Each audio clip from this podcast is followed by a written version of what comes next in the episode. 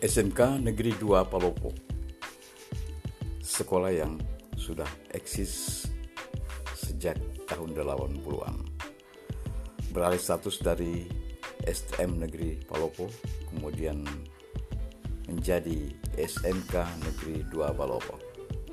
Yuk kita dengarkan sama-sama Bagaimana dan apa yang ada di SMK Negeri 2 Palopo.